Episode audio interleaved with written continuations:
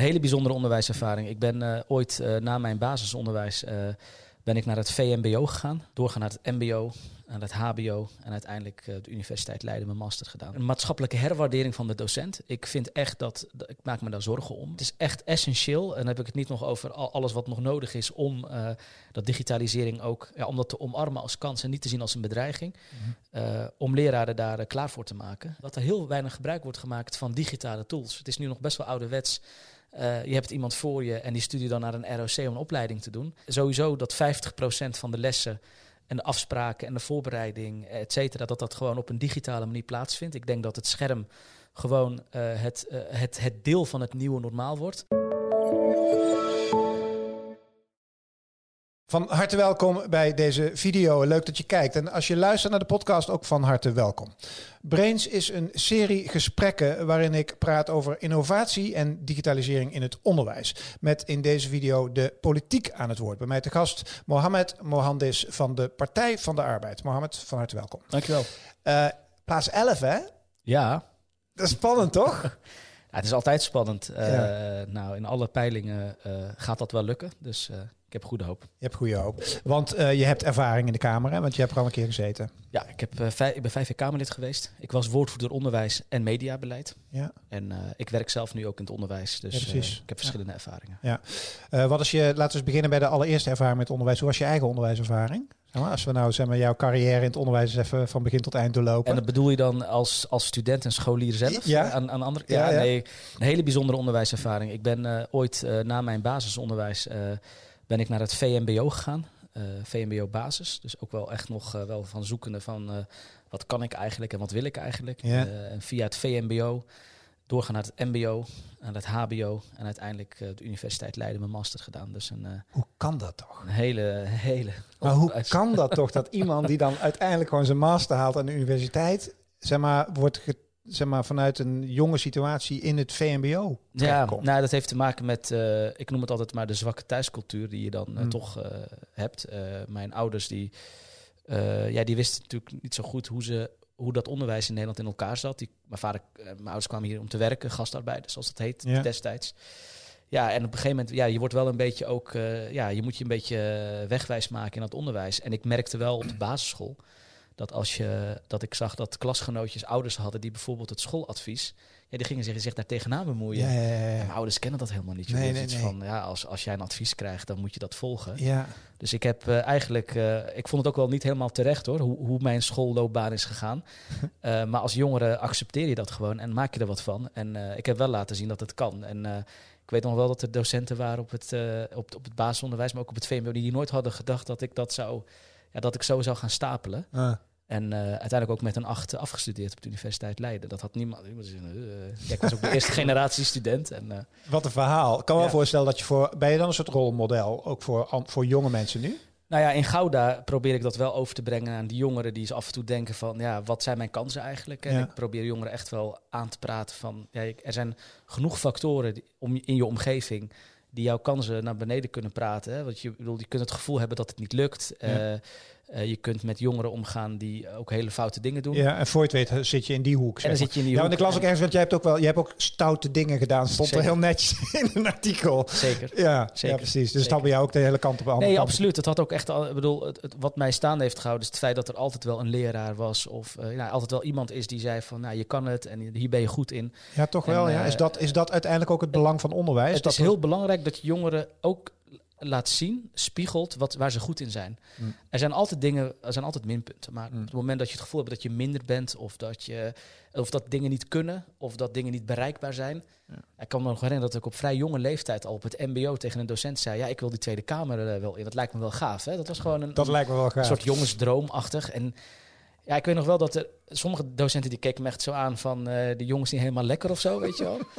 En er was ook echt één docent, weet ik nog heel, heel goed, Richard Kroeze op het MBO, die wel het gevoel gaf van, nou, nou waar, waarom niet? En die ging mij daar ook, weet je wel, die ging ook vertellen hoe dat dan uh, werkt wat, en wat hoe dat je dat is en wat, wat dat inhoudt. En als, en als jongen van uh, 16 is het zo belangrijk, mm. uh, want ik deed ook toen al foute dingen, dat je dan toch ergens denkt, ja, ja, misschien zijn er ook nog wel andere wegen om, uh, om, je, om je levenspad te bewandelen. Ja, dus, uh, ja. Ja, ja. Geweldig verhaal. Hey, wat zijn de belangrijkste punten zo meteen over innovatie en digitalisering van het onderwijs? Maar um, uh, daarvoor, wat zijn de belangrijke punten uh, uit het programma van jullie van PvdA als het gaat om onderwijs, wat jou betreft? Ten, algemeen? Zeg. Ja, algemeen, want het is een heel mooi programma. We trekken er ook best wel wat geld voor uit. Met alle belangrijkste denk ik dat de, de ja, een soort waardering en bijna een, her, een maatschappelijke herwaardering van de docent. Ik vind echt dat, ik maak me daar zorgen om. En mm. dan heb ik het over, uh, niet alleen over het salaris, wat gewoon af en toe gewoon niet aantrekkelijk is als je het ja. vergelijkt met andere beroepen.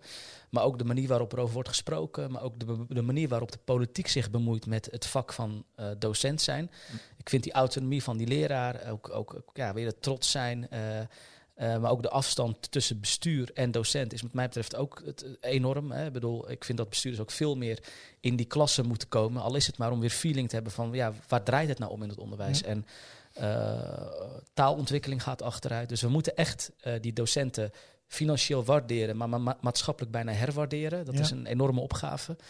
En daarnaast zijn er ook nog allerlei andere plannen rondom uh, financiële toegankelijkheid op het MBO, uh, onderwijsachterstandenbeleid.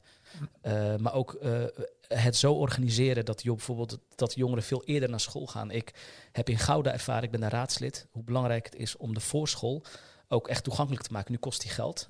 maar er zijn heel veel jongeren, als die al vanaf een tweede naar de peuterspeelzaal gaan, dan doet dat iets met hun taalontwikkeling. Mm. En het kost misschien geld als je dat als een voorziening organiseert. Maar het levert ons veel meer op, omdat de jongeren gewoon geen, uh, ja, met veel minder onderwijsachterstand doorstromen. En dat is een ja, enorme maatschappelijke winst als we dat realiseren. Okay. Um, en voor leraren een Rijksacademie las ja, ik ergens. Hè? Leg eens uit. Ja, eigenlijk is dat, valt dat een beetje onder het kopje herwaardering ja. van de docent. Uh, wij zien dat, uh, wij willen leraren. Hè? We hebben een lerarentekort. Um, wij willen A, dat de kwaliteit van die opleiding uh, omhoog gaat. Dus ja. dat het normaler wordt om ook een academische PABO uh, te doen. Hè, om leraar te worden via een universiteit. Dat, dat, dat, dat fenomeen groeit ook in Nederland. In Scandinavische landen is het heel normaal om een masteropleiding te hebben als docent. Mm -hmm. uh, wat we nu als PvdA bepleiten is eigenlijk van ja, als we vinden dat dat zo een belangrijk beroep is waar we ook jong talent naartoe moeten trekken. Uh, dan moeten we ook niet een hoog collegegeld vragen. Dus we zeggen eigenlijk een soort positieve discriminatie voor, voor deze groep om hen geen collegegeld te laten betalen, om die financiële drempel te schrappen.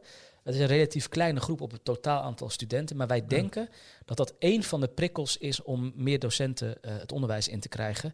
En daarnaast zei ik al, een startende leraar in het, in het primair onderwijs. Velen weten niet eens wat een startende leraar verdient, maar de meesten zouden daar niet eens hun bed voor uitkomen. Mm. En dat is een moeilijk verhaal, omdat men, wat ik ook niet het gevoel wil geven van het gaat uh, uh, natuurlijk niet alleen maar om geld. Maar ik heb zelf ervaren hoe het is om voor een klas te staan. Ik heb dat op heel veel niveaus gedaan, of in ieder geval uh, in allerlei sectoren gedaan. Mm. En de loonkloof, dus bijvoorbeeld een leraar in het basisonderwijs en het MBO, is echt wel te hoog, wat mij betreft. Terwijl de, het zwaartepunt van het onderwijs, als het echt gaat om die verschillende klasontwikkeling, mm. is basisonderwijs. En ik vind dat die salarissen echt wat omhoog moeten. Want ik heb zelf een keer ook over van, goh, zou ik niet gewoon voor die klas willen staan twee, drie dagen in de week? En ik ben er wel van geschrokken. Een gemiddelde startende leraar kan vandaag de dag in een gemiddelde stad geen, uh, uh, koop, uh, geen huis kopen, maar ook geen sociale huurwoning huren, want daar verdient hij dan weer net te veel voor. Mm -hmm. Die zitten enorm in de knel. En als je niet uitkijkt, word je ben je gewezen op, op de particuliere huursector. En dan ben je als leraar gewoon 50% van je netto inkomen kwijt. Ik vind dat we dat fenomeen onderschatten en daar moeten we echt iets aan doen.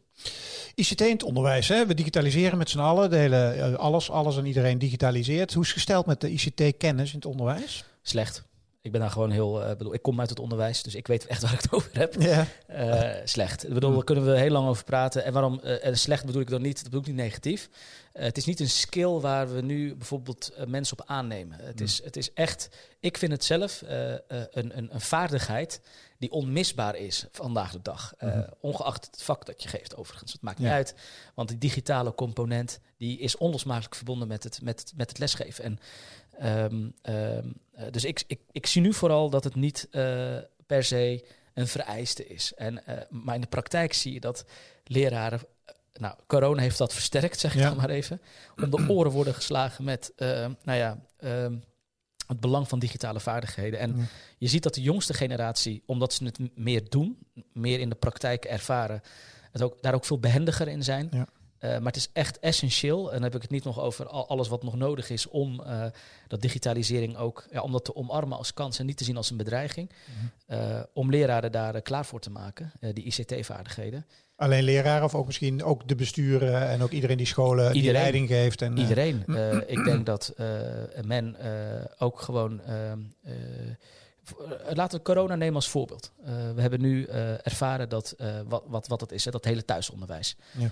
we gaan straks naar een, naar een ander normaal. Want ik denk niet, nooit dat we teruggaan naar het oude, maar ja. we, gaan naar een, we gaan een soort nieuwe toekomst tegemoet met, ja. met digitalisering. ik weet dat er nu al wordt gesproken in het onderwijs om straks toch één à twee dagen in de week hè, ongeveer dat digitale erin te houden en dat fysieke dan daarmee af te wisselen. Um, ik denk dus dat uh, digitaal onderwijs een blijvertje is. Uh, vervolgens moet je gaan afvragen van, goh, hoe hou je er nou iedereen bij? hoe ga je op een andere manier begeleiden? Dus begeleiding op afstand, daar moet je over nadenken. controle op afstand moet je over nadenken. hoe gaan we om met de AVG in relatie tot, tot, tot digitaal onderwijs? Hele nieuwe vraagstukken die nu op het onderwijs afkomen. Maar wat ik heel weinig hoor sinds corona, want we, we kennen alle uh, uh, verhalen over achterstanden en jongeren die niet mee kunnen. Zeer terecht. Daarom is er ook altijd fysiek onderwijs nodig. Maar wij hebben bij MBO Rijnland iets anders ontdekt. Want daar werk je, even voor Ja, bij MBO Rijnland. En dat is best wel, denk ik, ook gezien de discussie of het gesprek dat we nu hebben, wel interessant. Is dat we zeiden, hey, een hele grote groep MBO'ers was ook altijd van plan om in, in het buitenland stage te lopen. Maar liep aan tegen gewoon een financiële belemmering of nou ja, het reizen, het op afstand zijn. Ehm, corona heeft, heeft ons anders laten kijken naar het fenomeen stage op afstand. Uh, we hebben nu uh, samen met een paar buitenlandse bedrijven, dat kunnen dan fruitteeltachtige bedrijven zijn die vanuit Nederland in Spanje opereren of in andere landen. Mm van goh, uh, veel van onze mensen werken gewoon op afstand. En wij zouden best wel een, een buitenlandse stage willen aanbieden aan jullie studenten. Maar die kunnen ze gewoon lopen vanuit huis. Ja. Dat is heel gek. Dan denk je, ja, stage lopen. Uh, maar bij marketing of juridische beroepen kan dat ook prima. Ja. En, en die draaien nu mee uh, via, uh, via het scherm in een internationaal bedrijf. Hm. En het SBB, dat is dan de groep die dan de begeleiding vaak ja, daarop adviseert. Die zijn nu als een malle aan het nadenken van verrek. Als er straks meer jongeren een online stage lopen, gewoon stage lopen, maar weliswaar via een online omgeving uh, hoe controleren we dan dat hij of zij stage loopt? Ja, ja, ja. dus je krijgt ook een soort digitale begeleidingsinstructies. Dus uh, ik, ik zie echt een soort flipping the system als het gaat om hoe corona ook kansen met zich meebrengt. En dat ook weer iets vraagt van de manier waarop wij tussen, uh, ja, tussen onze oren mm. onderwijs zien en, en beleven. Maar jij ziet het als eigenlijk overal als een hele positieve ontwikkeling, hè? zo hoor ik het. Nou ja, als, als, als, als kansen. Ik ben een rasoptim, ik ben een optimist van huis uit. En ik bedoel, ik zie dus dat uh, voor een groep jongeren uh, dat fysiek onderwijs onmisbaar is. Mm. Omdat het gaat om structuur, klassikaal en, en nou ja, alles wat daarmee samenhangt. Maar ik zie dus ook een groep die opeens uh, zegt: hey, verrek, ik kan nu wel drie maanden stage lopen bij een buitenlands bedrijf, omdat thuiswerken ja. ook in die bedrijven genormaliseerd is. Want het waren ook dezelfde bedrijven die zeiden: nee, als u we hebben een hoofdkantoor in Madrid, ik roep maar wat. Mm. Ja, dan moet je naar Madrid toe. En dat was voor uh, eh, MBO'ers vaak wat lastiger. Uh, financieel, maar ook de begeleiding. Uh, het zat niet in de cultuur van het MBO, buitenlandse stages. Nog veel, het stond in de kinderschoenen. Ja. Maar vergis je niet, MBO'ers, dat, dat zijn de vakmensen van morgen. Half miljoen jongeren die, die, die, die, de banen doen waar wij dagelijks mee te maken hebben. Van de loodgieter, de verzorger, et cetera, et cetera. En als die groep ook op die manier kan excelleren, dan maak je een hele grote groep gelukkig. Dus Laten we alsjeblieft, nu we hebben geleerd van corona, hoe digitalisering werkt, wat de min- en pluspunten zijn, om ook die pluspunten wel uh, wat te koesteren, ja, om daarop door te... Uh, ja. En, dan, en dan lees ik weer, hebben jullie over digitalisering van het onderwijs, voldoende financiering moet daar ook voor komen. En dan lees ik ook weer als concreet voorbeeldje dat er voldoende digiborden in de klas zijn. Dan denk ik van, ja, maar daar gaat het toch niet meer om, toch? Hoop ik. Ja, weet je wat het is? Als je, als je hem helemaal doorontwikkelt, dan zijn, moet ik ook afvragen... wat doen praktijklokalen nog op scholen? Want mm. je kunt ook via een hybride lerenconstructie zeggen... we, we alle, alle jongeren volgen uh, of, of, of die doen de praktijkvakken in het bedrijf. Mm. En niet meer op een, op, in een gesimuleerde Precies. Nou ja, uh, ja. restaurant of wat dan ook. Hè. Dus alles, alles wordt nagebootst vaak in het beroepsonderwijs. Nee, dat, dat vraagt om een hele omschakeling in, uh, in denken. Maar nog even over digitalisering. Een ander aspect wat, wat denk ik, um, waar denk ik wat nog in de kinderschoenen staat qua kansen. ik zie dat er twee werelden zijn die eigenlijk dat niet horen zijn. Het hele aspect van leven lang leren, mega groot thema. Ja. Iedereen vindt het belangrijk. we zien bijvoorbeeld dat gemeenten, ehm, die zijn primair verantwoordelijk om mensen met een afstand tot de arbeidsmarkt weer een kans te geven. Hè. Soms is het een, een, een, ontwikkeladvies van wat kunt u en waar bent u eigenlijk goed in. Hè. Dus waar, waar, zit je, waar, zit je, waar zit je ontwikkelpotentie en perspectief. Mhm. Ehm, ik vind dat, dat, dat, dat er heel weinig gebruik wordt gemaakt van digitale tools. Het is nu nog best wel ouderwets. Uh, je hebt iemand voor je en die stuurt dan naar een ROC om een opleiding te doen. Uh, ik denk bijvoorbeeld dat je met digitalisering ook uh, leeflang leerpunten van MBO's in die gemeente kan trekken. Om te zeggen van we gaan in een soort online omgeving kijken we waar je goed in bent. En vervolgens kun je aan de hand van uh, een test of, of, een, of een opdracht, krijg je gelijk ook de juiste opleiding gekoppeld, die je ook bijvoorbeeld op een digitale manier kunt, uh, kunt volgen. Dus ik zie bijvoorbeeld de koppeling tussen uh, enerzijds scholen die een leven lang leren opdracht hebben, gemeenten die klanten hebben die moeilijk aan het werk komen omdat ze uit zijn gevallen ja, ik, ik zie daar een enorme kloof die helemaal niet nodig is. En, en, als je dat op een slimme manier organiseert met, met digitalisering, ja. ja dan geef je onderwijs en het leven lang leren ook een, boost. Een boost. Veel behoefte aan innovatie, als ik dit zo hoor. Tenminste, ik word wel enthousiast als je zo loopt te praten. Want dan denk ik van, oh, wat, wat voor mogelijkheden zijn er die we allemaal kunnen vormgeven. Er staan een hele hoop commerciële partijen best wel te trappelen. Hè? De Googles en de Microsoft van deze wereld. Die, eh, die willen dolgraag zich hiermee bemoeien. Wat vind jij daarvan? Ik ben daar wel altijd. Uh, uh, mijn grootste angst voor uh, de grote techbedrijven is altijd dat ze in staat zijn om ja, ook de kleinere, ja, de, de, kleine Nederlandse markt, de MKB, te verstoren. Want ze mm. zijn supermachtig, ze hebben geld.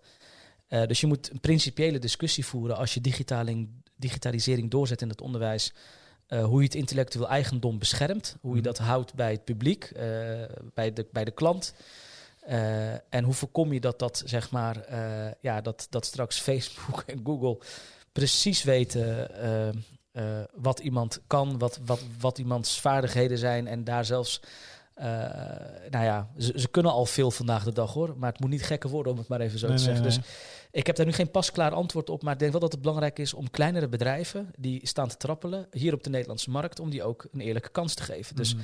de PvdA is ook een van de weinige partijen die ook echt uh, nou ja, iets zegt over die grote techbedrijven. Mhm. Dat we ook een fair share willen van hen hier, omdat ze uh, in mijn oude tijd als mediawoordvoerder in de Tweede Kamer zag ik gewoon hoe uh, de publiek en de commerciële omroep elkaar in de haren konden vliegen over, over reclame. Terwijl 90% naar de terwijl, andere... Ja. Terwijl, terwijl de grootste weglek was elders. Hè. Dat, was, dat waren de grote jongens die, uh, die het geld ook makkelijk konden wegsluizen. En eigenlijk helemaal niet ten goede kwam aan bijvoorbeeld goede programmering in Nederland. Dus mm -hmm. uh, ik vind ook echt dat je uh, in Nederland best wel het mag hebben over... de restricties inbouwen richting dit soort techbedrijven op het moment dat ze komen halen, maar niks komen brengen. Ik, ik ben daar wel een beetje klaar mee. Helder. Tot slot, we gaan tien jaar verder kijken. Uh, en uh, inmiddels is PvdA natuurlijk waanzinnig succesvol geworden. Jij, uh, ik weet niet wat je dan misschien wel een ministerpost, wat jij wil. ambitie trouwens daarin? Nou, nee, niet, nu, niet zo nu snel van uh, ja, doe maar. Uh, nee, nee. Ik wil gewoon Kamerlid worden en daarna zien we wel. Ja, ja maar je zegt niet zo nee, nooit. Dat zijn er ook, hè, die ik mensen. Heb, ik heb nee, ik heb nooit, nooit gezegd over, nee, ik, over wat nee, mijn loopbaan. Ik had ook nooit gedacht toen ik op het VMBO zat dat ik mijn master zou halen. Dat meen ik echt. ja, ja. Uh, dus wie weet. Ik ben altijd gewoon weer verder ja. gaan kijken. Ja. Maar we zijn tien jaar verder. Ja. Wat dan ook jouw rol is. Betrokken ergens zul je zijn. hoe ziet het onderwijs er dan uit? Schets eens. Uh, ik denk dat we, uh, uh, nou het onderwijs is ook heel breed, maar als je naar het beroepsonderwijs kijkt, dan zie je bijvoorbeeld dat heel veel docenten hun studenten de praktijkvakken geven op in het bedrijf waar ze dan straks stage gaan lopen. Ja. Dus je ziet veel meer hybride docenten, zoals dat heet, die ja. eigenlijk niet alleen maar binnen de traditionele schoolmuren lesgeven, maar eigenlijk voor de helft daarbuiten zich begeven. Dus ook zich veel meer een eigen regionaal netwerk eigen maken van bedrijven. Mm -hmm. uh, en op die manier ook uh, weten van, oh ja, als je dit doet, dan kun je doorstromen op die school. Dus ik denk ook dat uh, bijvoorbeeld bepaalde mbo-opleidingen en hbo-opleidingen in elkaar gaan integreren, zodat je een mega doorlopende leerlijn krijgt van VMBO, MBO, HBO. En dat kan ook in een bedrijf zijn. Ja. Dus ehm, ja, ik, ik zie nou, sowieso dat 50% van de lessen en de afspraken en de voorbereiding, et cetera, dat dat gewoon op een digitale manier plaatsvindt. Ik denk dat het scherm gewoon uh, het, uh, het, het deel van het nieuwe normaal wordt. Afgewisseld met uh, fysiek onderwijs voor hen die, die, dat, die dat nodig hebben om verder te komen. Die, dat niet, ja, die, die zelfstandigheid misschien moeilijk kunnen organiseren. Um, ja, ik zie onderwijs dat aan de top staat over tien jaar van de wereld. Omdat wij hier heel, ja, een van de voorlopers zijn van onderwijs eigenlijk meer laten, ja, zeg maar, onderwijs meer uh, samen laten vloeien met het bedrijfsleven. Dus mm. dat, dat, meer, dat het elkaar meer versterkt. Dat het niet meer harde scheidslijnen zijn. Dus dat er voor iedereen een stageplek is. Dat het niet meer kan zijn dat er geen stageplekken meer zijn. Dat je dat oplost op die manier. Dus, ehm, en dat we gewoon uh, qua op, op kennis en wetenschap voorop lopen. Dat we in Europa, en dat is nu wel echt nog slecht hoor. Dat we gewoon een van de best betaalde docenten hebben. De hoogst opgeleide docenten hebben. Uh, dat, de, dat de beroepstrots terugkomt. Dat niet de bestuurders of de vakbonden of, uh, of het ministerie bepaalt wat er, moet gedaan, wat er moet worden gedaan in de klas. Maar dat de professional zo machtig is en dat de beroepsgroep zo goed georganiseerd is, dat zij aan de bestuurders en de politiek vertellen wat, wat er moet gebeuren. Daar zijn we nog niet. Werk aan de winkel dus. Zeker. Dankjewel voor dit gesprek. En uh, dankjewel voor het kijken naar weer een gesprek in de serie Brains. En wil je er meer zien, ga dan naar brains.nl. Dankjewel voor het kijken. Hoi.